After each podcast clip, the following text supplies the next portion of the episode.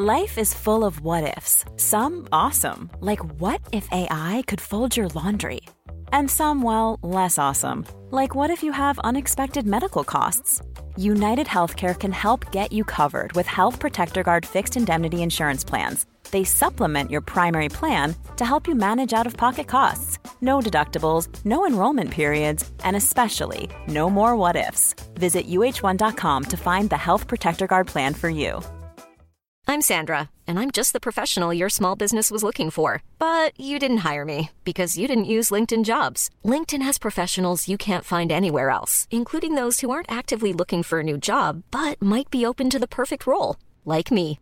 In a given month, over 70% of LinkedIn users don't visit other leading job sites. So if you're not looking on LinkedIn, you'll miss out on great candidates like Sandra. Start hiring professionals like a professional. Post your free job on linkedin.com/people today. Hold up. What was that? Boring. No flavor. That was as bad as those leftovers you ate all week. Kiki Palmer here, and it's time to say hello to something fresh and guilt-free. Hello Fresh. Jazz up dinner with pecan-crusted chicken or garlic butter shrimp scampi. Now that's music to my mouth. Hello Fresh. Let's get this dinner party started. Discover all the delicious possibilities at hellofresh.com. I dag skal vi høre en litt annerledes form for fødselshistorie. Nemlig en fødsel fortalt fra partners perspektiv. Ana og Natalie ble enige om at det var Natalie som skulle bære frem det første barnet deres, og etter litt eh, donorshopping så satt jaggu alt på første forsøk. Men hvordan ble det for Ana å være vitne til en styrtfødsel? Vel vitende om at hun kanskje skal gjennom det samme neste gang. Det får dere høre nå.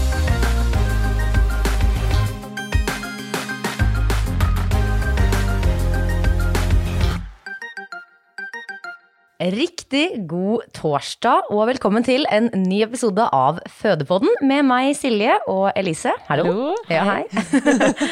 Eh, I dag så sitter vi her sammen med gjesten vår, Ana. Velkommen. Hallo, hallo. Hei, hei. Eh, I dag så blir denne episoden bitte litt eh, annerledes, for vi skal jo fortsatt høre en fødselshistorie. Men det er ikke du som har født, Nei. selv om du skal fortelle om den. Ja. Ja. Hvordan har det seg? Nei, det er jo seg sånn at jeg lever i et likekjønnet ekteskap, da. Mm. Så da kan man jo velge, da, hvis man er så heldig. Mm. Og det var vi. Ja. Så da var det kona mi, Natalia. Og jeg har gledet meg veldig til sånn partnerepisode, for vi har jo snakket mye altså Mange som er her, forteller jo litt om hvordan partneren tok det osv., men nå skal vi faktisk få høre fødselshistorie fra partners perspektiv. Da. Jeg gleder meg veldig. Ja, og det, vi, har- vi har jo snakket om det mange ganger, Elise. At sånn, det å være Altså, én ting er jo å være mann. Man kan bli uh, synes at fødsel uh, er en skikkelig sånn grand experience som uh, mann også når du sitter og ser på det, men på en måte vil du aldri som mann stå der og tenke å, fy fader, neste gang er det meg. Eller sånn, er det jeg som skal gjennom Det, sånn, det frister jo ikke i det hele tatt. Hva er Sign me off! Ja, nei, man får jo live footage av, eh, Ja. av hva du skal gjennom sjøl. Så det er ganske voldsomt. Altså, det må være så spinnvilt å stå der eh, selv, ja, når man ikke har født, og se, se på det. Nå høres det ut som det ligger i kortene at eh, det blir ett barn til, og at det er du som skal bære fram det, da. Ja. Ehm, etter en Det var i hvert fall det før fødselen. Det var en veldig fast plan før fødselen, og det, det er jo fortsatt planen, men jeg skal ikke lyve og si at det er en del bearbeiding som skal til. Ja. Det er det. Eh, Men Anna, du er jo eh, en av mine nærmeste venner. Ja. Eh, Så jeg kan jo litt av denne historien her. Mm. Men Elise, du har ikke hørt så mye Nei, jeg har ikke det, altså. nei, om dette. Så det blir spennende for deg. Jeg er veldig spent. Ja. Mm. Kan vi ikke ta oss og begynne litt eh, fra start, da? Mm. Dere bestemmer dere jo på et eller annet tidspunkt for å eh, skulle ha et barn. Her hører man eh, Siggen har en liten kommentar fra sidelinjen. Satte litt melk i halsen der, ja. Skulle bare mangle at vi har en liten maskot her. Ja. Ja. Nei, men hvordan var det da, når dere bestemte Altså, ville dere begge eh, Hvordan startet den samtalen? Det er jo, man må jo gjennom en liten prosess eh, når man er to kvinner ja, som skal ha barn. Ja. Eh, jeg tror jo selve prosessen å bestemme seg om å få barn er akkurat den samme for oss som for, for, for mann og kvinne, skal si. Man må jo på en måte ta disse store Man valgene. bare valgene. beskjed om at man må. Og være klar. Ja, ja, bare sånn, du skal. Ja. Nei, men man, eh, man går gjennom på en måte de samme tankene der, om at Mm. nå er vi der at vi har lyst til det. Og så var det jo liksom, starta jo tidlig en liten forskjell for oss da på hvem skal, Ja. hvem skal gå gravid, hvem skal føde. Um, og da var vi på en måte litt der i livet at jeg hadde akkurat på en måte starta min karriere, Mm. og hun skulle studere. Eh, så da tenkte vi at uh, vanligvis så siden jeg er eldst, jeg er 32 og hun er jo fem år yngre enn meg, mm. så vanligvis hadde man kanskje tenkt at jeg skulle gå først, da, siden jeg var var Ja. eldst. Mm. Uh, og det var det vi tenkte først, sjøl også.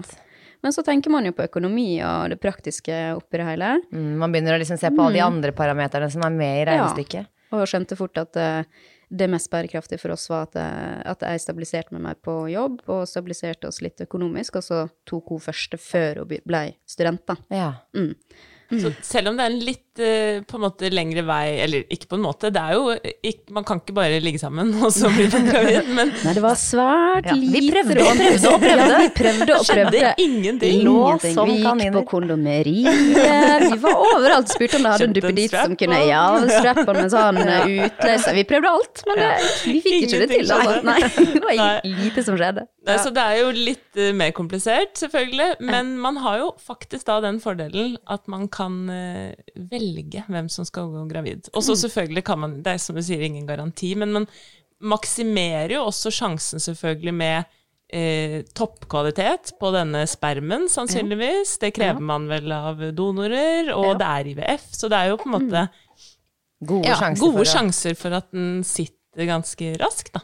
Ja, og det tenkte vi på en måte sånn Det skulle bare mangle, fordi Ja, ikke sant? For vi er litt Noen sånn fordeler må man Ja, noen fordeler må man ha. Altså all den tid vi ikke kan se på hverandre og bare 'Å, nå skal vi lage et barn som er 50 meg og 50 Ja. deg, og det blir vakkert, og hoi og hei', så Ja, var vi jo litt sånn at det skulle bare mangle at vi kunne på en måte få noe som var kvalitetssikra. Ja. Så vi måtte rett og slett google oss frem og, og ta litt telefoner til forskjellige klinikker, og så var vi veldig opptatt av at vi måtte føle oss komfortable i prosessen. Ja. Fordi det er jo veldig, veldig lite romantikk i Det kan jo det være for mange heterofile par også, fordi man prøver og prøver, og på en måte romantikken blir litt borte. Ja. Men uh, fant ut at vi ville gå for Livio-klinikken, så vi vurderte jo Danmark Offentlig. også.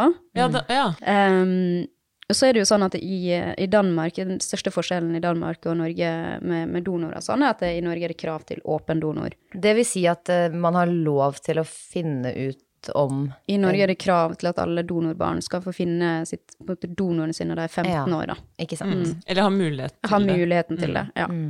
Og for oss så var det jo på en måte Folk eller klinikken trodde det skulle være et veldig stort spørsmål for oss å ta stilling til. Ja. Om vi ville ha Altså at De var veldig på den at dere var- må være klar over det at i Norge så er det krav til åpen donor. Bare sånn at dere veit det. Og vi var bare sånn Ja, det skulle jo også egentlig bare mangle. Ja. Fordi jeg er jo adoptert sjøl, og veit jo ganske masse om det å ikke vite sitt genetiske opphav. Opphav.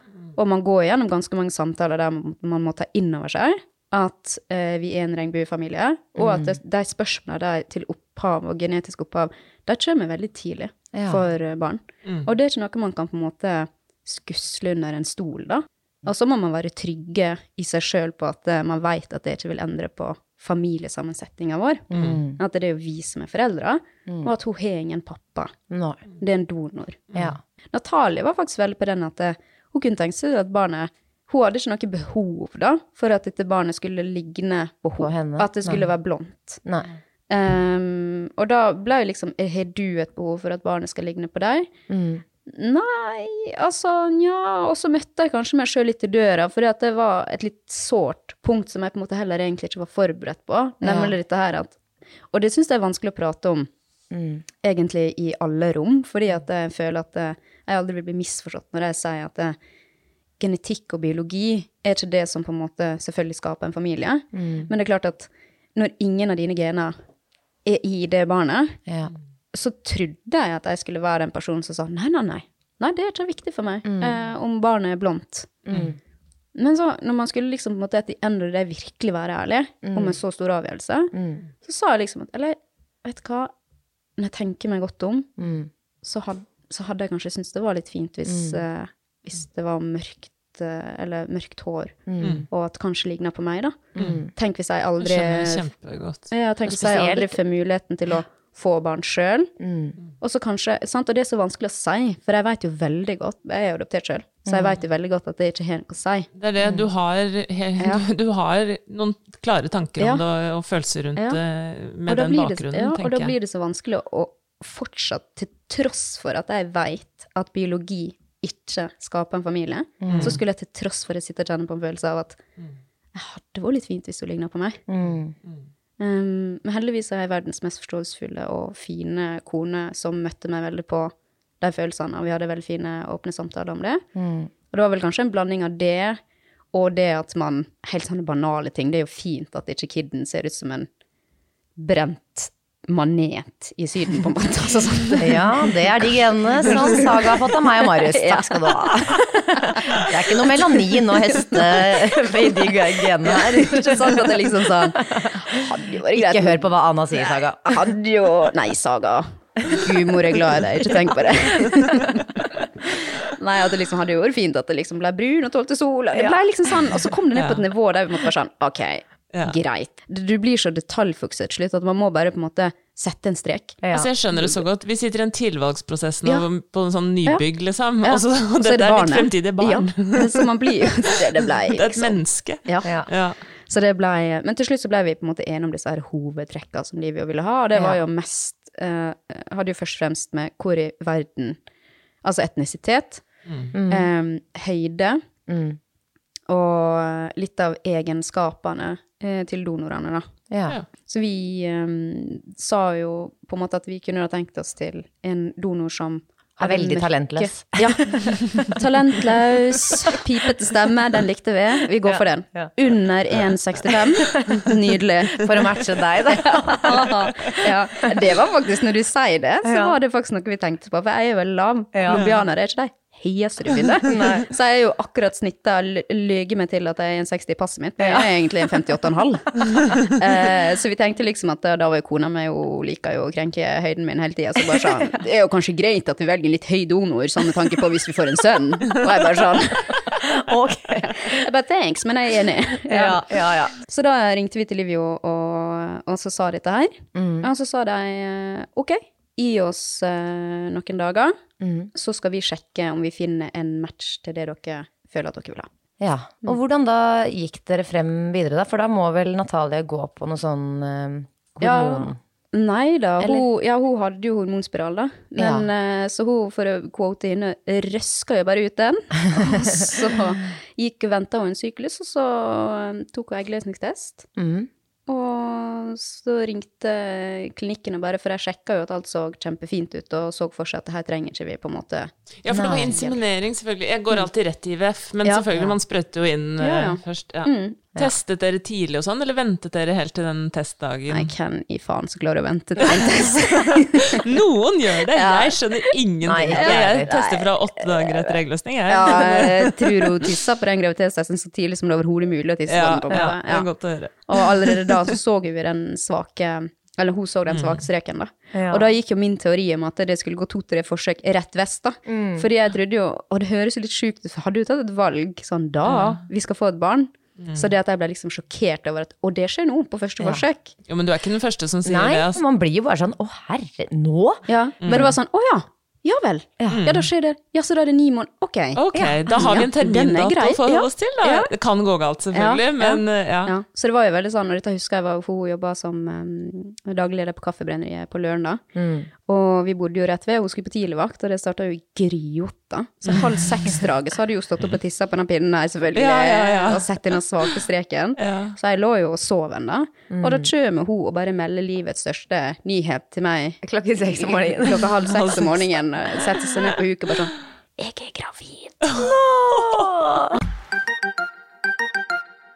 Jeg kjenner forresten på nå, når vi kommer inn på, så begynner jeg å spørre om hennes svangerskap Mm. og hennes ikke sant? Og det er et litt sånn eh, interessant dilemma her, da. For du skal jo fortelle på en måte om en prosess som du selvfølgelig har vært en stor del av, Mm. men så er det en annen sin kropp som tross alt har eh, gått gravid, som har født, ikke sant. Så Mm. kanskje viktig å understreke også sånn at dette Det nevnte du litt før vi begynte å spille inn her òg, at dette er jo dine opplevelser av Ja. det, da. Og det er fint å si, og det er veldig viktig for meg også å understreke at eh, jeg kan aldri, aldri uttale meg på kona mi sine vegne om, om hva slags type smerte og følelser hun har gått gjennom gjennom graviditeten, Nei. og hvordan fødselen var for henne. Ehm, så jeg må på en måte Alt det jeg sier, fra mitt perspektiv, og det vi på en måte snakker om sammen. Men Ja. det er mine følelser og mine tanker, da. Og dine ord. Og mine ord. Ja. Mm.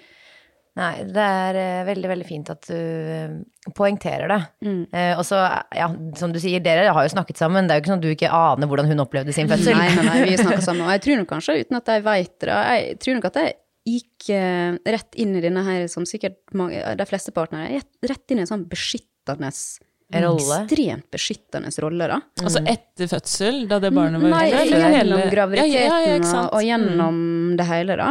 Og så opplevde jeg veldig masse at det ble liksom lagt større forventninger til meg som kvinnelig partner, følte jeg. For at med menn så er man så veldig sånn the bare minimum, får jeg på en måte klapp på skuldra og på en måte herregud, så flink Og så du er. grei du er, liksom. Wow, ja. som tenksom du er. Oh, Oi, masserer du wow. føttene ja, en kveld? Oi, herregud, ikke sant? Mens jeg følte på en måte at alle disse tingene her, og mer til, Ja. var liksom lagt til the bare minimum for meg. Ja. For jeg var kvinne og skulle liksom intuitivt Mm. være så masse mer på linje og Ja. synka med, med anna kvinne, fordi at folk tenkte på en måte at i og med at du også er kvinne, Mm. eh, som har syklus og kan gå gravid, og dere er kvinner, så må jo du føle deg masse mer påkobla, og liksom Mm.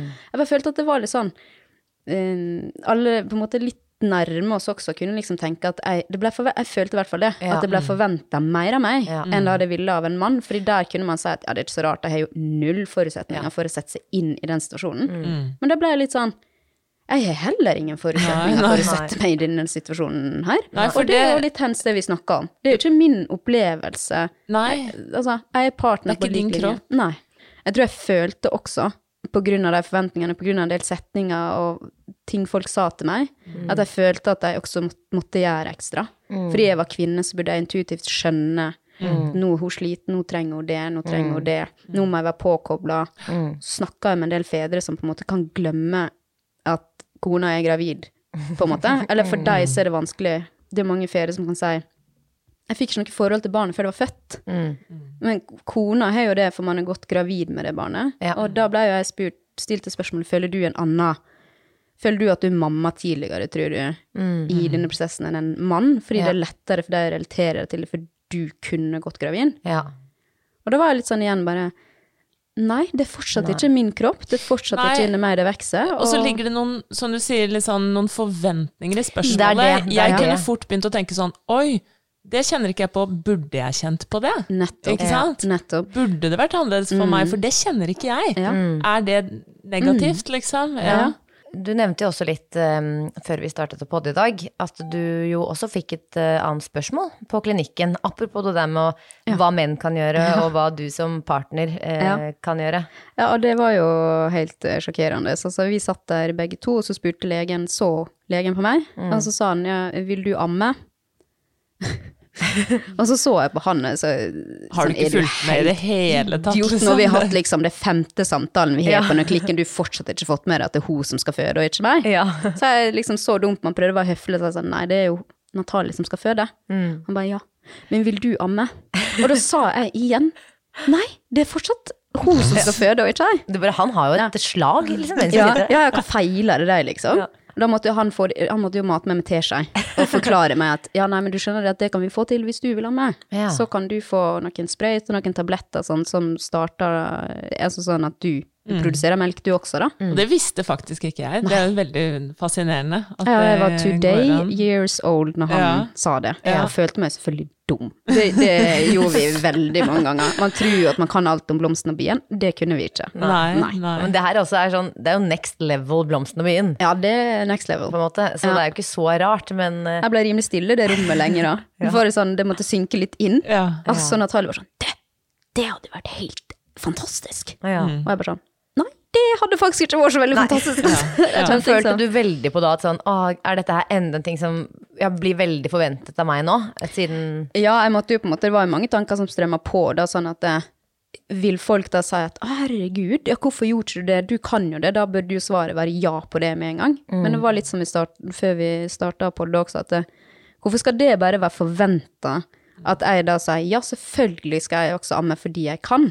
Ja, hvor mange menn ville sagt ja til det? Si at eh, ja, vi har noen sprøyter som gjør at menn også kan amme. Er du gal? De sprøytene hadde støva ned for Ja, ja, lengst. det, Ja. det tenker jeg jo, eller i hvert fall Ja, det tenker nok jeg. Altså, det er nok mange som hadde sagt hoppa på den og sagt sånn ja, jeg vil være så delaktig som mulig, på en måte, men det handler på en måte heller ikke om det. Nei. Det handler jo om hva jeg ønsker, Det jeg er, også. det, er fantastisk at muligheten fins, Ja, for noen vil jo tenke sånn at, å, åh, det er, sånn som vi snakket om i stad, med genetisk opphav, og hvis man har mulighet til det og har lyst til det, så er jo det helt supert. Men Ja. det må jo være et valg man tar basert på om det er noe man ønsker, på en måte. Ja, absolutt. ikke, og så var jeg veldig tydelig på det til Natalie etterpå, at vi måtte liksom snakke om at du vet at dette her, er- dette her er ingenting med hvor masse jeg har lyst til å gjøre for deg og barnet. Og hadde vi hatt, skulle få tvillinger, Mm. da hadde jeg selvfølgelig gjort det. For at da, da vet man at det, det hadde vært stor hjelp. Ja. Men i og med at vi på en måte har en plan om at jeg skal kunne gå gravid med neste, Ja. så vil jo jeg forhåpentligvis kunne gå gjennom hele den opplevelsen her sjøl, Ja. og amme sjøl. Ja. Og som du sier, de fleste par har på en måte ikke det. Det er, det er ikke Sånn er der bare. eh, Nei, Ja. du som partner kan skifte bleie, bysse, ikke sant. Alle Ja. de andre tingene Ja. som man har i heterofile Like par, Like ubrukelig som en mann. Ja. Ja.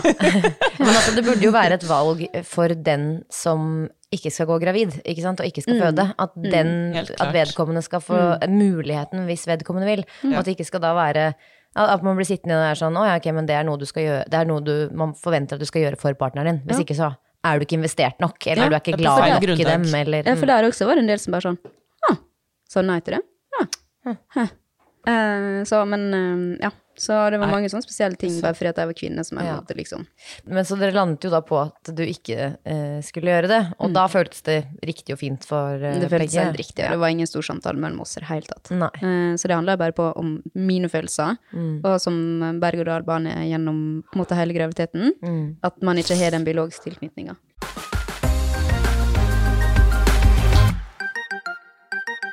Hvordan eh, starter haraballet? Ja, hun fødte jo fem dager før termin, da. Mm. Så det også kom litt brått på. For vi ble jo fortalt at eh, statistisk sett så skal jo førstegangsfødende gå over termin. Ja. Så jeg var jo litt det samme som når hun ble gravid på første forsøk. At det var litt sånn Nei, men nå, du skal jo ikke føde nå. På en måte, eller det, det skal ikke skje ennå. Men det gjorde det. Så, og ironisk nok så hadde vi vært veldig slitne i den perioden der jeg sov veldig dårlig. Så akkurat den natta Er det ikke typisk? Ja. Det er det, altså. Så akkurat den natta alt dette her smeller i gang, så var det siste vi sa til hverandre når vi la oss i senga, bare sånn «Åh, Typisk at det skjer i natt når vi er så jævlig slitne. Nei, Er det sant? ja. Hadde ikke sovet på dri, og det var seint og alt mulig sånn, og vi bare sånn herregud, vi gjør jo ikke det. Ah, den da- ene kvelden man tar sjansen på Ja. å være dritsent oppe, liksom. Bare, Ja. Det skjer jo ikke i natt. Klokka var faen meg halv ett når vi gikk og la oss, fordi vi var sikre på at det skjer ikke i natt. Nei, nei, Og hadde hatt liksom masse kynnere og sånn, men ikke hatt en opplevelse av å ha eh, rie eller eh, Nei. noe sånt. Så ja, så da la vi oss, og vi hadde ikke før, jeg hadde ikke før slått igjen øynene mine, før hun liksom sier på sånn godt nordnorsk på en måte sånn Jeg tror faen Marie. rie. Oi.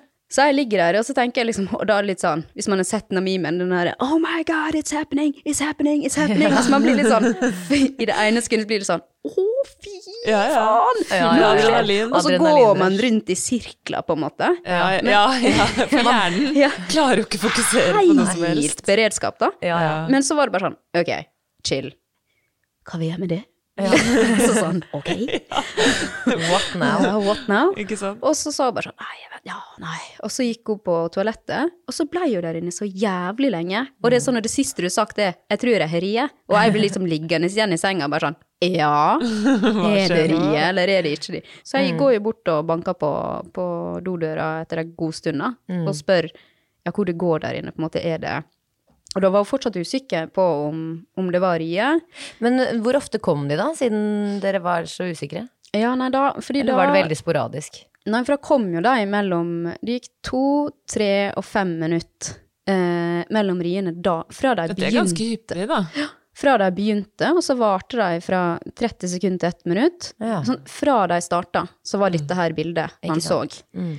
Og, eh, men vi klarte ikke til å skjønne det, og så følte hun på en måte at riene på en måte egentlig aldri ga seg imellom, men det kom på en måte toppa. Ja. Sånn at det også gjorde det vanskelig, for det er jo en start-stopp-knapp Ja, på den rietelleren. ja. Så det var liksom sånn, og det var jo fordi at hun, hun åpna jo seg i rekordfart, og egentlig da var på vei rett inn i aktiv fødsel. Eh, men det visste ikke vi. Nei. Men hvor vondt har hun fra ditt perspektiv på dette tidspunktet? Må hun, klarer hun å prate i Ja. rien og sånn? Ja, det er det, ikke sant? Hun prøver Altså, hun er så Hun er så knalltøff, da, eh, Mm. på dette stadiet her også, at det for meg så utrolig vanskelig Så klart det kona mi så hun var smertepåvirka, og jeg så hun var veldig smertepåvirka, Mm. men samtidig oppi mitt hode også, så har man en forventning om at ok, men når man begynner å nærme seg på en måte fødsel, fødsel, Ja, da skal vel hun ligge der og skrike, Ja, bare sånn Vi må gå! Ja. Ja. Men hun var så rolig. Hun pusta seg gjennom dette her, og fokuset var på en måte på rett plass med en gang. Og det var veldig rolig stemning hjemme hos oss. Det var på en måte mørkt med litt svalt lys i stua, og vi rigga oss til og, og tenkte at eh, nå skal vi holde ut så lenge som mulig hjemme, for ikke å bli sendt hjem igjen. Og så skal vi stå i dette sammen og ha det rolig og fint rundt oss. Ja. Så, eh, så vi gikk inn i stua. Oksytocinvennlig miljø, det her. Ja, ja, ve- ja, veldig. At det her skulle på en måte bort med adrenalin og på en måte bare ta det rolig. Det kan Du ha hadde vært tatt de der på- rundene dine allerede? ok. Ja, å ja, ja, ja. Når hun var inne på doen der, så hadde jo jeg på en måte tatt en lang prat med meg sjøl. Ja. Nå skjer det, nå skjerper du deg, og så er du rolig. Inni meg var det fullstendig kaos. Ja, ja, ja. Mer enn hos henne, nesten. Ja, ja, 100% Fordi hun gikk rett inn i modus. Hun gikk rett inn i pust og, og trykk på knappen. Og Ja. så rundt halv fire så ringer vi fødeavdelinga på Ahus og sier at eh, ja, nå, nå har riene på en måte starta. Og da hadde de vart Eller nei, vi ringte for første gang en og en halv time etter at de starta. Og da ble jo vi egentlig sånn, hva skal jeg si, ledd ut av rommet. Altså, fordi da sa hun ja vel, og er dere førstegangsfødende? Ja, vi er det. Mm. Ja, og hvor lenge du sier at riene liksom har vart? Liksom har vart. Nei, en og en halv time. Hun bare Ok, ja, men dere skal være hjemme i mange timer til. Og hun var bare sånn Det er ikke akkurat sånn at denne babyen kommer til å komme skitende ut, liksom. Men det skjer jo! Det skjer jo hele tiden. Ja, ja, ja. Det det. Og hun var bare sånn, ja, men hvor lenge riene varer, og hvor langt det er mellom. Og så sier vi jo at jo, det er to, tre og fem minutter mellom riene, og de varer i 30 sekunder til ett minutt, så vi mener jo på en måte at det er ganske tett, da. Ja, ja. Og at det liksom, det er jo noe som ikke helt stemmer, burde vi, altså. Nei, vi fikk beskjed om at det, det var bare å stålsette seg. Ja. Og da sier jo Natalie etter det, og så sa hun, dere kan vente i to-tre timer til, og så kan dere ta opp rietelleren og ordentlig fokusere på 40 minutter Ja. på rietelleren. Ja. Og da tok jo jeg til meg den oppgaven som at det var mitt life mission, ikke sant? For det var jo det eneste jeg kunne gjøre, ikke sant? Og, eh, og så sa jo Natalie, for det hadde vi også lest om og hørt om, at det kunne være lurt at partene gikk og sov litt, da. Sånn at eh, jeg skulle være opplada, for det var ikke vits at begge skulle sitte oppe. Så hun er jo så snill og god, at hun sitter der og sier sånn, men du, gå og legg deg igjen, du, og prøv å sove litt, så kan jeg helt komme og vekke deg når, når det dreger seg opp litt. Så tenkte jeg, ok, søv og søve, fru Blom. Men jeg gikk ut i senga, la meg ned, og det er klart det er vanskelig. Koda di, vi skal føde nå, på en måte. ja, Og herregud. Sov nå! Det Ja. går jo ikke. Og så hører jeg bare at lydnivået ute på stua, at det blir noen sånne lyder jeg aldri har hørt før fra et menneske. Altså, det kommer fra det innerste indre, da. At det blir vanskeligere for henne å puste seg gjennom riene. Ja. Så jeg står egentlig opp igjen med en gang. Å. Ja, for dette skjer egentlig ganske raskt etter du har lagt Det skjer nedpå. kjemperaskt. Jeg tror jeg bare la, la meg nedpå i seks-sju minutter Ok, eh, ikke før jeg på en måte hørte at ok, men dette nå Ja. Så jeg gikk ut igjen. Eh, fordi at jeg hadde ikke lyst til å skulle stå dette alene. Det føltes Nei. helt feil nei. ut for meg at jeg skulle liksom ligge og sove når hun har det vondt og er i fødsel, og nå skjer det. Så jeg går ut igjen eh, i stua, og da sitter hun i uh, sjeselongen og har prata litt med sin mamma. Um, for å liksom Det er jo det nærmeste hun kommer hvordan fødselen hennes har vært, og alt mulig. Og hun har jo også hatt en styrtfødsel. Ja. Eh, Så hun var jo veldig på den at eh, vær litt påpasselig med det. Mm. Og så sa hun også at hvis vannet går, da må dere få fart på dere. Da må dere få fart på dere. Ja. Så vi sitter der og sier bare sånn Nå tar vi disse 40 minutter på rietelleren. Nå ser vi, for at nå, nå går ikke dette her lenger. Nå føler jeg at jeg begynner å føle meg utrygg. Mm. Nå føler jeg på en måte at hvis det skjer noe mer, så er vi, selv om vi er nærme, så vet jeg ikke om jeg føler at vi er nærme nok. Nei. Så idet jeg tar opp rietelleren og skal starte på disse 40 minutter, Mm. eh, og trykke inn telleren første gang, sånn, så går vannet Ja. med et splæsj.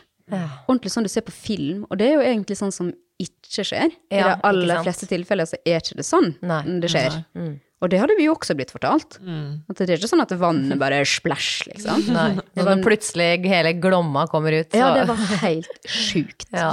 Og hun bare sånn 'Vannet gikk, vannet gikk', og jeg bare sånn 'ok'. Og jeg prøvde liksom å være overly calm, da. Ja. Jeg bare sånn 'det går bra, det går bra, jeg skal hente en handdunk', og hun bare sånn 'sofaen', og jeg bare 'drit i sofaen'! Liksom. Springer og henter handduker. Og da, etter at vannet gikk, da tok eh, smertenivået eh, Seg seg opp, ja. opp, eh, ti hakk og sånn. Ja, for hva gjør dere da? Driter dere i den rietelleren og kaster dere i bilen? Ja, da ringer jo jeg eh, Ahus med en Ja, gang ja. og sa at nå er vannet gått. Mm, Og da sa ja, da kan dere få lov til å begynne å tenke på å komme inn. ikke sant. Og da hadde jo jeg sagt noe Mentalt var du allerede på sykehuset. Ja, du, jeg var bare sånn Begynn å tenke på å komme Jeg vet ikke hva dere skal, men vi Nei. skal inn og føde et barn. Ja. ja. Men klarer du å si det da til henne? Ja, Eller? n- Nei, Nei, er liksom, jo bare- fokuset mitt var bare sånn Jeg tror jeg bare svarte mm, vi kommer nå. Ja. Ok, så bra, Ja. da. Eh, og da går vi ut i gangen, og da ser jeg For da har jo hun problemer med å gå. Mm. Og nå kommer riene så tett. Det hadde de allerede gjort veldig lenge. Mm. Nå kommer det så tett at hun klarer jo ikke å gå når de kommer. Nei, nei. Og så er det så kort imellom dem. Og det er en lang biltur, selv om Ja, det bare er tolv minutter. og- Så. Fy faen, Ja, ja. og, og jeg begynte å tenke, å tenke på det. på det tidspunktet der tenkte jeg sånn Å, fy Nå blir det hjemme. Jeg veit ikke om vi klarer å komme oss For da Nei. så jeg jo hun og Ja. tenkte vi skal både ut i heisa, vi skal ned, vi skal ut i bilen, og vi skal på sykehuset. Ja, Og hun ja. klarte ikke å gå. Hun, Blir du redd da? Altså, blir du Ja, da, da husker jeg at jeg tenkte Skal jeg ringe ambulansen nå, Ja. Mm. eller skal jeg pedal to the metal, på en måte? ja. Det går like fort at vi nå bare kjører i 100 år mm, ut til Ahus og bare kjører oss ut. Mm. Så gikk hun ut hovedinngangen nede, mens jeg måtte sprinte, og da mener jeg, jeg sprin- da sprang jeg Ja. inn i garasjen, eh, for bilen vår står ganske langt inn i garasjen, man kjøre ut og rundt. Ja. Og når jeg da kjører bilen rundt hjørnet, så står hun jo og, og lener seg over kofferten, og det er så vidt hun klarer å stå. Ja. Og da kjente jeg igjen en sånn de grøsningene nedover ryggen min, fordi at jeg, jeg, jeg var så redd for at vi var at det var krit, vi var kritisk seint ute, på en måte. At det nå, nå skjer det noe, så nå må ambulansen nå, nå på en måte, det bryst, Hjertet mitt holdt på å hoppe ut av brystet, men utad så var jeg kjemperolig. Ja. For jeg visste at det viktigste er at hun Natalie er rolig.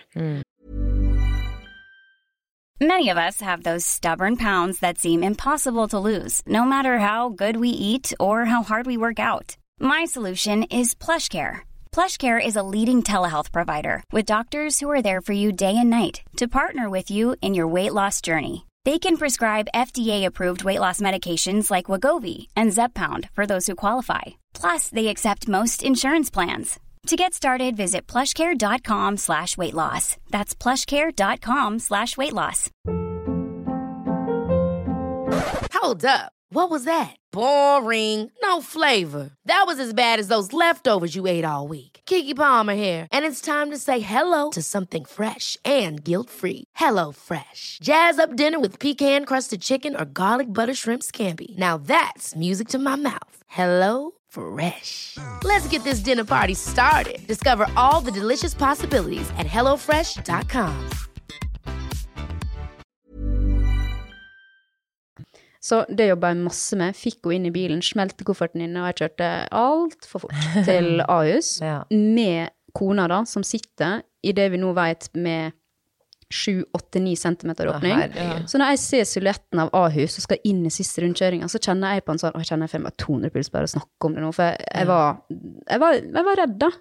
Um, så jeg kom i den siste rundkjøringa, så sa jeg, for jeg trodde jeg skulle hjelpe henne å ta veldig i situasjonen hun var i. For jeg tenkte at hvis jeg hadde vært hun Hun fortalte at det er feil, det var ikke det hun følte. Nei. Men jeg tenkte, hadde jeg vært hun, så hadde det vært kjempefint for meg å høre Nå er vi her. Ja. Vi er framme. Snart får vi hjelp. ja.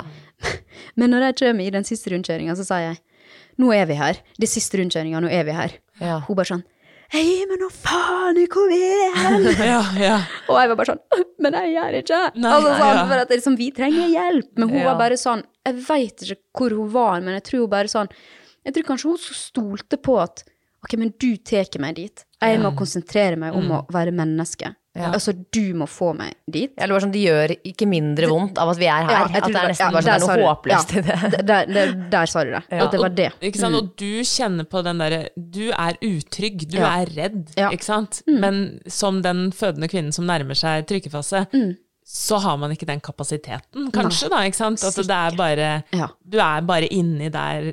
Ja, jeg tror hun følte Nå skjer det samme samme faen hva slags rundkjøring vi er i nå. Ja. Jeg får ikke mindre vondt av det her. Nei, nei, ikke sant. Ikke sant? Men hun, hun, hun Ja, jeg tror ikke hun så det Sant, selvfølgelig, hun ser ikke det jeg ser. Hun opplever ikke det sånn som jeg opplever det. Så hun, og igjen så fikk jeg den Ok, herregud, så fokusert hun er. Eh, Ok, da må vi bare få hun opp og føre. Så jeg brekker jo den bilen foran uh, inngangen på Førden, og vi kommer der da uh, halv åtte på morgenen. Uh, skal da ut av bilen, og har jo da en enda større problematikk enn vi hadde. Det var allerede vanskelig å komme seg ut i bilen når vi var hjemme. Og da skal vi opp til fødeavdelingen, vi skal inn, vi skal ta heisa. Det er kjempekort, men tru meg, den veien er lang Ja. når du er der vi er nå. Ja, ja, ja. Og så skulle jo den kofferten med inn, da. Må huske å ta med kofferten. Ja, Ja. må huske å ta med den. Og jeg husker at jeg hadde så lyst til bare sånn Drit i den jævla koff... Altså, vi har ikke tid. Det var sånn jeg hadde på en måte Vi har ikke tid. Mm.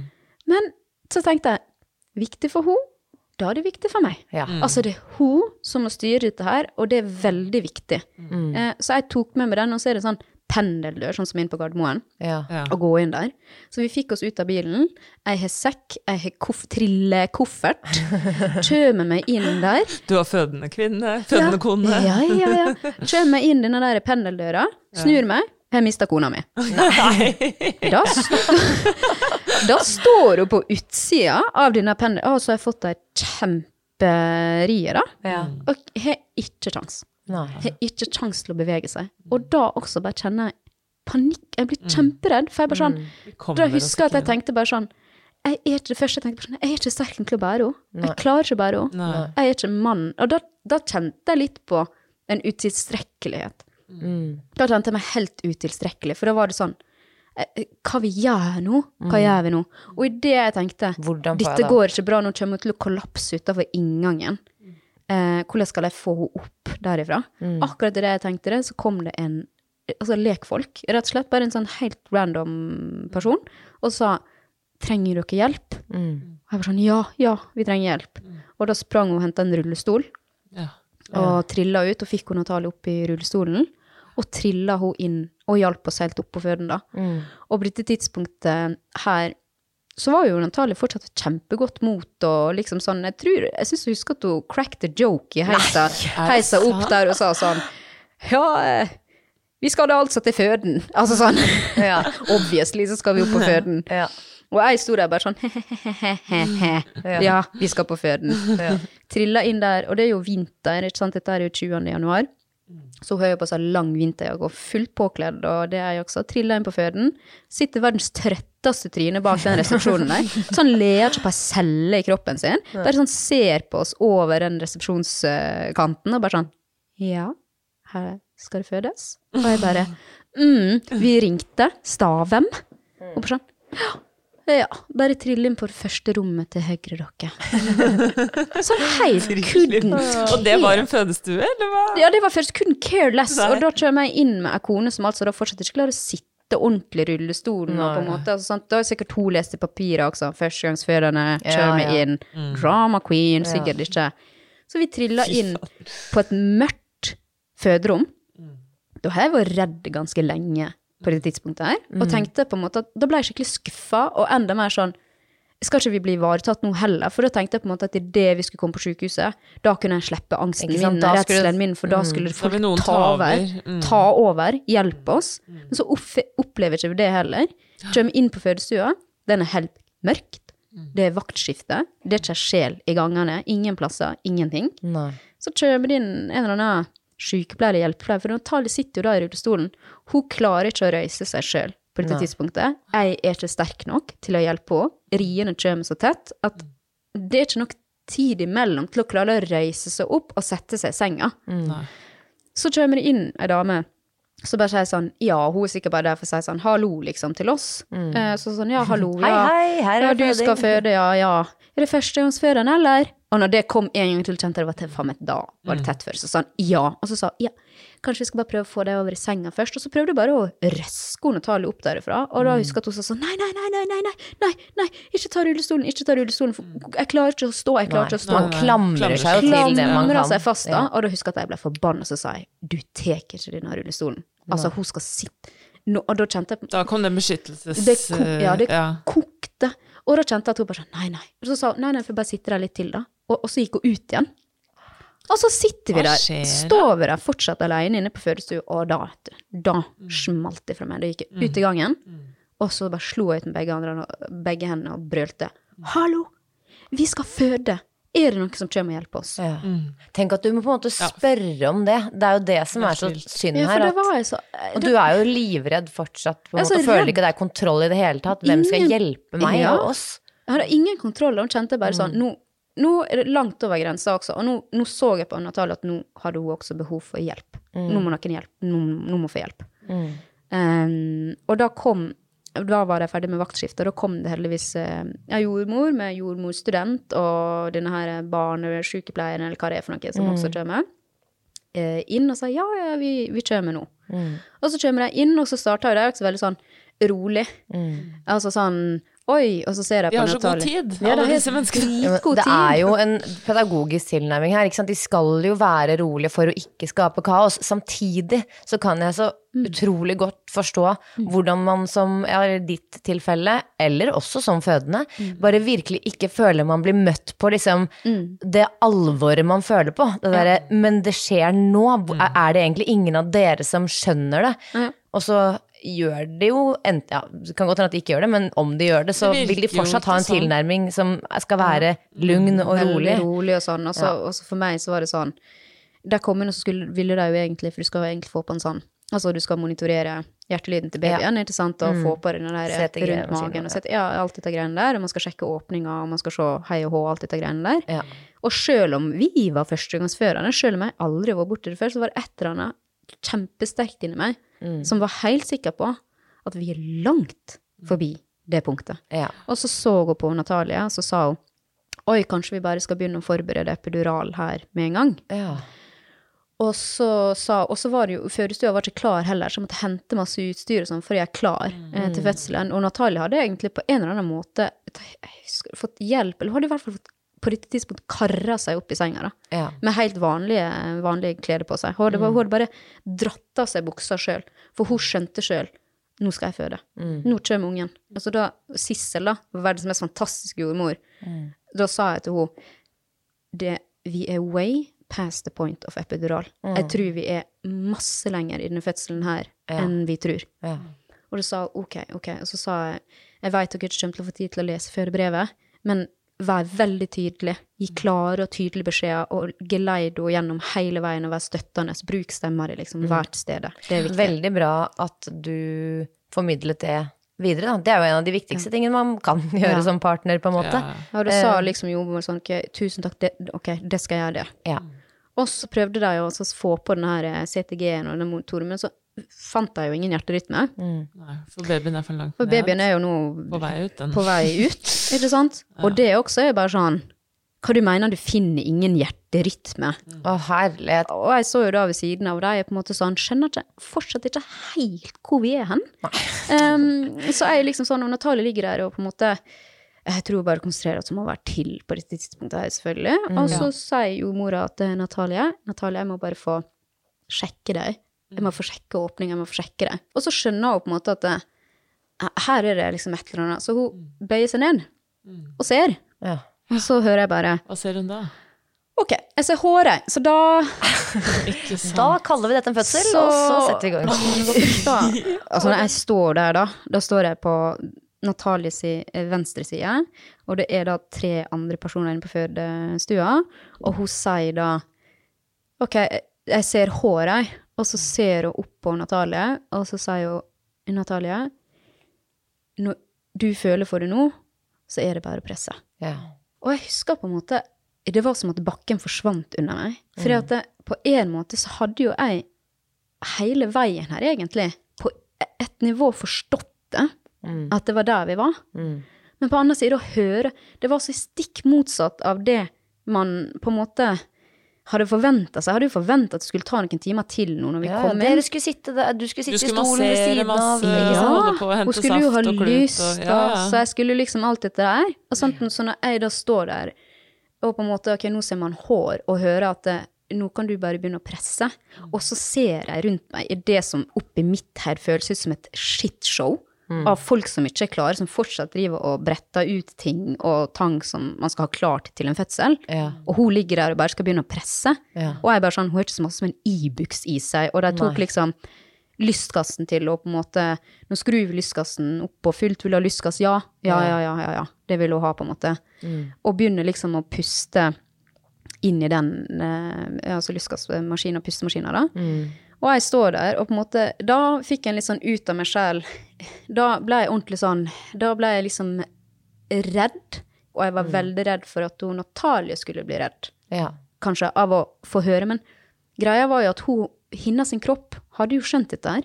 Hun hadde jo kledd av seg, hun, for hun kjente at nå kommer babyen. Nå kommer hun. Og jeg ser at hun Natalie hun er helt inne i sona si. Og så sier de at eh, vi får fortsatt ikke Nå er babyen stressa, ja. så nå For jeg satte en sånn Elektrode. høydelinje, ja, mm. for å få pulsen, da. Og så så de at dette her går for fort, både for mor og barn. Så hver gang riene Det er så tett og så kraftig rie at eh, pulsen kommer ikke opp igjen Nei. på Altså Amelia. babyens. På babyen. Ja. Eh, du blir jævlig edru på fest, da. Ja. Fordi at eh, hun Natalie Få med ligger deg der alt som blir Ja. sagt i rommet. Ja. Jeg får med meg alt, og da ser jeg på monitoren. Først så kjente jeg en sånn brief glede av å se pulsen til henne. Mm. Men så ser jo jeg pulsen som går ned og ikke kommer opp igjen. Mm. Og jeg tenker bare, nå skjer mitt største mareritt, på en måte. Ja. Og, det, og jeg skjønte jo sjøl også at og vi har kommet for langt til at det blir keisersnitt. Mm. Vi er hvordan, eh, Går dette bra? Um, og så er det sånn håndtak på hver side av kroppen som fødende kvinner kan, kan holde i Mm. eh, for å på en måte få bøyd seg opp for å presse. Mm. Og så kom eh, pressria, og så klarer ikke hun Hun blir litt redd den første gangen, eh, fordi at Natalie? Natalia, ja. Mm. For hun følte seg klar. Nei, nei. Det er ikke naturlig for henne å presse. nei. Så hun løfta opp rumpa og hoftene Mm. i stedet for å presse den ned og presse. Mm. Eh, og dette skjer en, en og en halv gang. Ja. Det tar jo for de fleste litt tid å finne ut av det. Ja. sant? Og det var vel fordi jeg synes jeg husker at hun sa bare sånn Det her er for vondt, det kan ikke være Ja, altså, den kan, Jeg klarer ikke å denne, presse denne veien. Det er for smertefullt. Ja. Men da er vi samtidig der i fødselen at nå er det kritisk at du står i det. ja. Og så hørte jeg liksom bare sånn at jordmora så på barnelegen, og så så de på hverandre og sånn Denne ungen må ut nå. Mm. Og jeg ser at Natalie oppfatter ikke det, men Uff. jeg Nei, oppfatter det er akkurat det. Og da sto barnelegen på ene sida, jeg på andre sida, og det har aldri stritta så imot i hele min kropp, for da skjønte jeg at nå må jeg altså holde henne med kraft fast. For at nå kan ikke det skje igjen at hun løfter opp Ja. hofta i stedet for å, å presse den ned og få ungen ut. Fordi at da slipper man instinktivt disse her håndtakene, og så lener man seg bakover, og så løfter man hofta opp. Ja. Så når hun pressria kom, og nå var det sånn press, liksom, da eh, skjøt eh, røyste hun seg opp, og så tok barnelegen liksom tak i ryggen bak henne, og så så jordmora på meg en gang til og sa liksom Vis med blikket 'hold henne fast'. Mm.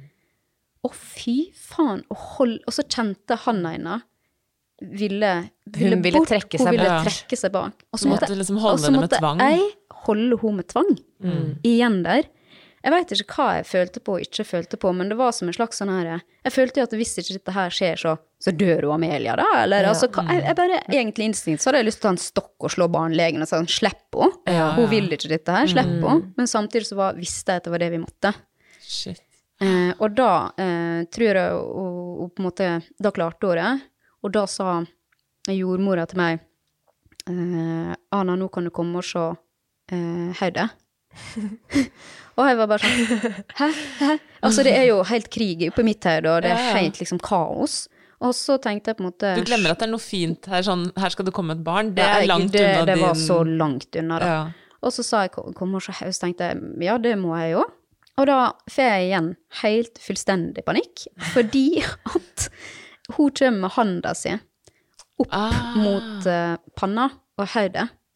Så når du ser på en måte denne, eh, The Ring of Fire, på en måte, når hodet skal ut, så ser jeg på en måte hodet, samtidig som jeg ser noen knokler. En knyttneve, liksom. Men du skjønner ikke helt hva det er? Jeg skjønner er? ikke at det er knyttneven. Så da tenkte jeg sånn, great, da får vi en baby med svulst på hodet. Hva er dette her for noe? Og så kjente jeg på en måte at, ja, det var nå litt den følelsen jeg har. Dette her går jo til helvete, så det skulle jo bare, da er vi der, den er grei. Og jeg rakk også å tenke, men jeg skal elske den ungen så jævlig Altså, så, så jeg rakk liksom å tenke at Jeg bryr meg det går bra, det Jeg går bra, vennen. Ja, jeg skal elske det. Jeg rakk liksom å tenke det, da. Men så ser jo jordmora at jeg liksom for jeg, jeg blir hvit i trynet og Sånn, hva, unnskyld språk, hva faen jeg ser på her? Ja. Så snur jeg meg til jordmora, og det sier jo sånn rolig, og så gestikulerer hun 'kom med hånden sin her'. Og så gestikulerte hun, og så sa sånn 'Å ja, det er han da', sa jeg. Og sånn, ja. Jeg sånn 'Å, takk Gud'. Å, fy! Og så, så er det jo på vei ny pressrie, så jeg tar ett et glimt til da, på åpninga. Og det siste jeg tenker da, før jeg liksom kommer opp igjen til Natalie for å heie på henne igjen, Ja. var jo 'dette går bra, aldri i verden'. ja. Fordi eh, oppi mitt hode så var ikke dette fys... Jeg bare tenkte ja ja, dette går ikke. Nei, Skal fordi ser- det er ut ikke der. plass, det er ikke liksom. plass. Nei. Hvor, how? Ja, det er ikke stort nok. Det er ikke stort nok. Et halvt sekund etterpå så var det sånn Kom igjen, Natalie, dette går bra! Liksom. Mens oppi ja. mitt hode så var det sånn Nei, Det går ikke. Det, går ikke. Det går ikke bra. Det går ikke bra. Eh, og da var det to, to ei og halv pressrie, omtrent. Så var hun så var hun ute. Å, herlighet. Men Og hva da- kjenner du på da? For da har du jo beskrevet en sånn Altså, du har vært Kroppen din har vært på full Ja. alarm, ikke sant, en stund, og du har vært dritredd og kjempepanikk, liksom. Og så kommer dette barnet. Hva, hva slags følelser er det du kjenner på umiddelbart da? Jeg kjente at det kom tårer ned kinnet, Mm. eh, uten at jeg skjønte at jeg gråt. Ja. Men så kjente jeg at, det var at, at jeg gråt. Men det var ikke fordi at Amelia hadde kommet til verden og blitt lagt på brystet til Natalie. Det var fordi at det var over. Ja. Det var fordi at hun, Natalie var, at hun var ferdig Ja. med å ha det så vondt. For jeg hadde, var så enormt redd for begge to. Men jeg kjenner ikke Amelia ennå, på dette tidspunktet. Den jeg elsker overalt på denne jordkloden, ligger det hun jeg kjenner, ikke barnet. Og det var veldig rart å på en måte sånn vanskelig å si høyt i ettertid. Folk snakker så masse om denne euforien man kjenner når dette barnet kommer ut, og gleden av å se det barnet. Mm. Følte Den umiddelbare kjærligheten og sånn. Følte ikke det i det hele tatt. Nei. Følte bare en enorm lettelse over at dette var over. Mm. Og at jeg nesten ikke hadde skjønt at dette var fødselen til dattera vår. Fordi Mm. at det gikk så Det gikk så fort. Ja, og det, jeg har jo hørt mange fødende si det samme som deg der, inkludert meg selv, på en Ja. måte. Eh, men, Ja, og Marius følte jo det samme som deg. Ja. Ikke sant? Ja, jeg er så glad, jeg er så letta for at Silje er ute av disse smertene. Mm. Ja.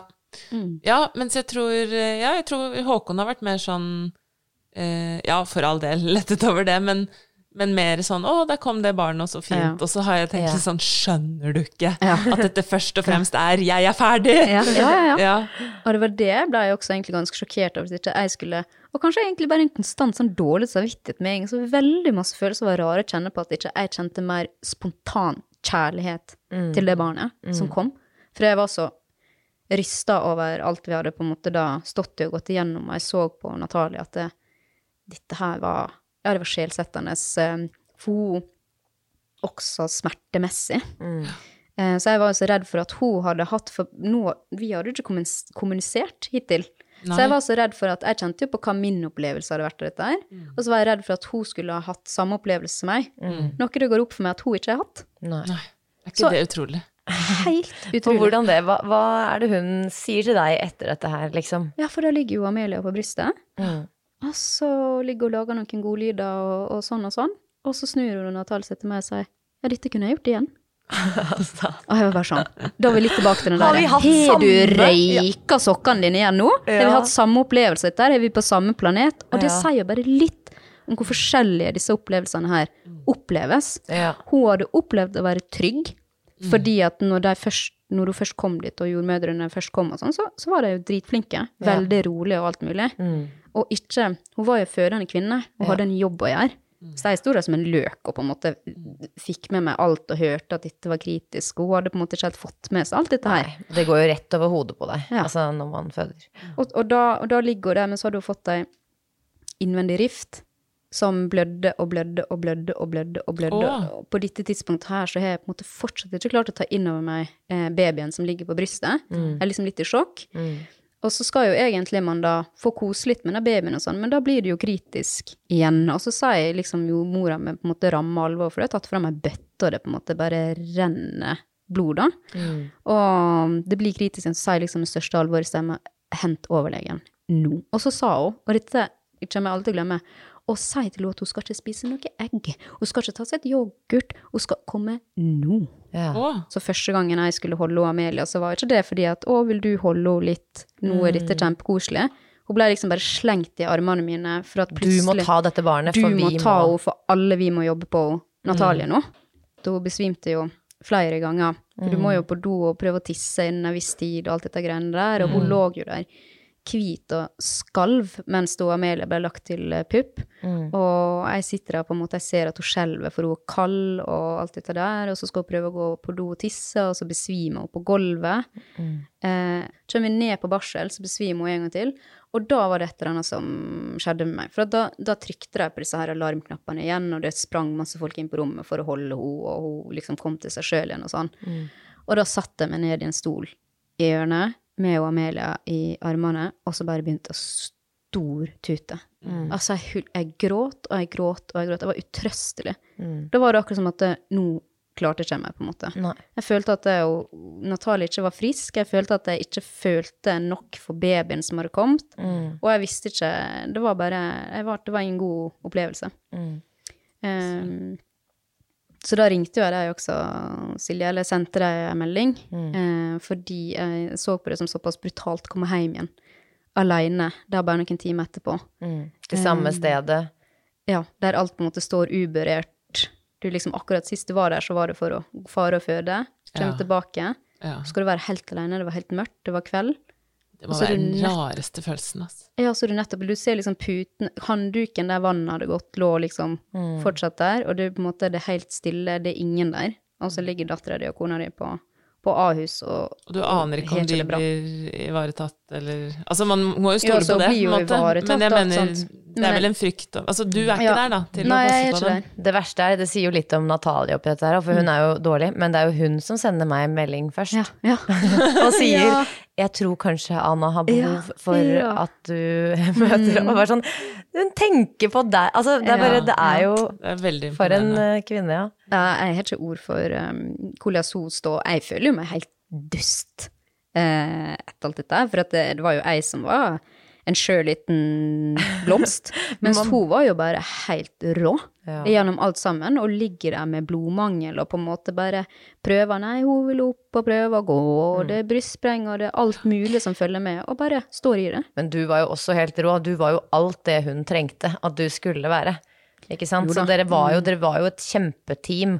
Og det å være kvinne og stå og se på Altså, det er, det er noe annet enn å være mann må stå og se på, fordi Ja, det, det var jo litt sånn, for vi har jo da, som vi snakka om, en tanke om at jeg skal ta neste. Det er klart det er jævlig spesielt å stå og se på den fødselen, og så alt du tenker på er på en måte Ja, dette skal jeg gjøre. Ja, for det er det jeg tenker. Der, der er det jo en tydelig forskjell. Altså en for det er live det. footage på en måte av det du skal gjennom neste gang. Ja, Og du har bare hatt, ikke sant, vært redd og, du- hatt det er det. adrenalin i Ja. time ut og og time inn. Og titta ned der, og dette går ikke, nei. Ja, ja, ja, ja, ja. Og så tenker du bare sånn, og så skal du gjøre det? Ja, nei det- takk! nei. Altså, Nei, sånn- og du har heller ikke de hormonene som kommer etterpå, som på en måte bearbeider det.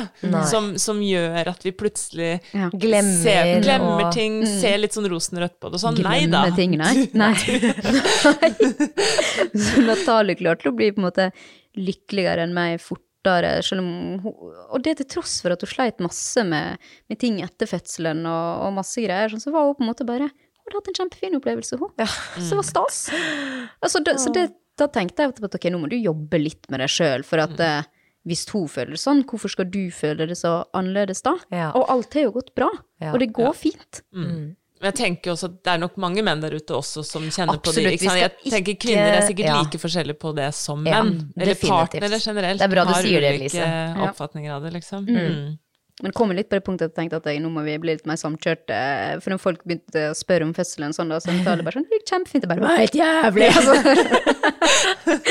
kom litt sånn forskjellen ganske til. Ja, det spørs Ja. hvem du spør, ja. Ja. Nei, men som du sier, Lise, det det er jo selvfølgelig mange menn som eh, sitter igjen med, med altså, traumer, eller som har vært kjemperedde, eller så, så det er jo Man skal ikke glemme det. Men det Men de skal ikke føde Nei, det er den biten er jeg den mener er eh, Ja. såpass eh, Ja, altså vi er jo fortsatt der. Jeg vil ikke si at jeg på en måte var eh, sånn mega liksom sånn, Skal ikke på en måte kaste rundt meg på en måte ord traume og sånne ting, men Mm. det var rystende. Altså det er noe jeg bærer med meg resten av livet, som jeg på en måte kjenner at jeg fortsatt eh, bearbeider med tanke på Jeg bearbeider selv fødselen, og alt dette der går bra.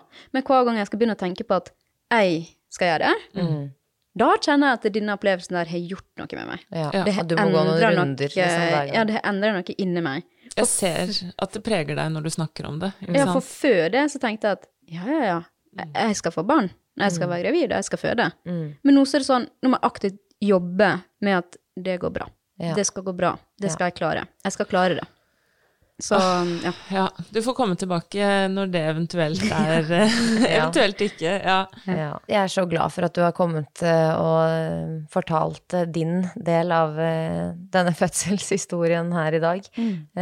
og så har jeg lyst til å takke veldig for at du har vært så åpen om alle tankene både rundt dette her med ja, tilknytning både før og etter, egentlig, og eh, alt sånt. For jeg tror det er noe som veldig mange kan kjenne seg igjen i en større eller mindre grad. Så tusen, tusen takk for at du kom og delte, Anna. Takk for at du kom. Tusen takk. Ha det. Ha det. Ha det.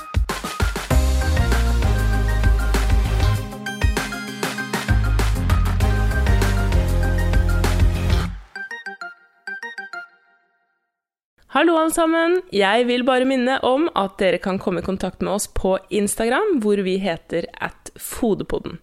Der legger vi ut så mange kule bilder og filmer av gjestene våre.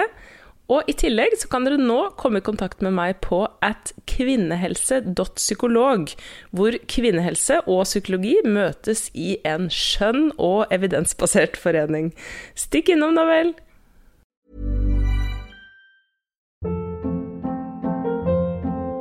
Hold up. What was that? Boring. No flavor. That was as bad as those leftovers you ate all week. Kiki Palmer here, and it's time to say hello to something fresh and guilt-free. Hello Fresh. Jazz up dinner with pecan-crusted chicken or garlic butter shrimp scampi. Now that's music to my mouth. Hello Fresh. Let's get this dinner party started. Discover all the delicious possibilities at hellofresh.com. Imagine the softest sheets you've ever felt. Now imagine them getting even softer over time. That's what you'll feel with Bowl and Branch's organic cotton sheets. In a recent customer survey, 96% replied that Bowl and Branch sheets get softer with every wash. Start getting your best night's sleep in these sheets that get softer and softer for years to come. Try their sheets with a 30-night guarantee. Plus, get 15% off your first order at bowlandbranch.com. Code BUTTERY. Exclusions apply. See site for details. Hi, I'm Daniel, founder of Pretty Litter. Did you know cats tend to hide symptoms of sickness and pain? I learned this the hard way after losing my cat, Gingy. So I created Pretty Litter, a health monitoring litter that helps detect early signs of illness by changing colors, saving you money and potentially your cat's life. Pretty Litter is veterinarian developed, and it's the easiest way to keep tabs on your fur baby's health right at home. Go to prettylitter.com and use code ACAST for 20% off your first order and a free cat toy. Terms and conditions apply. See site for details.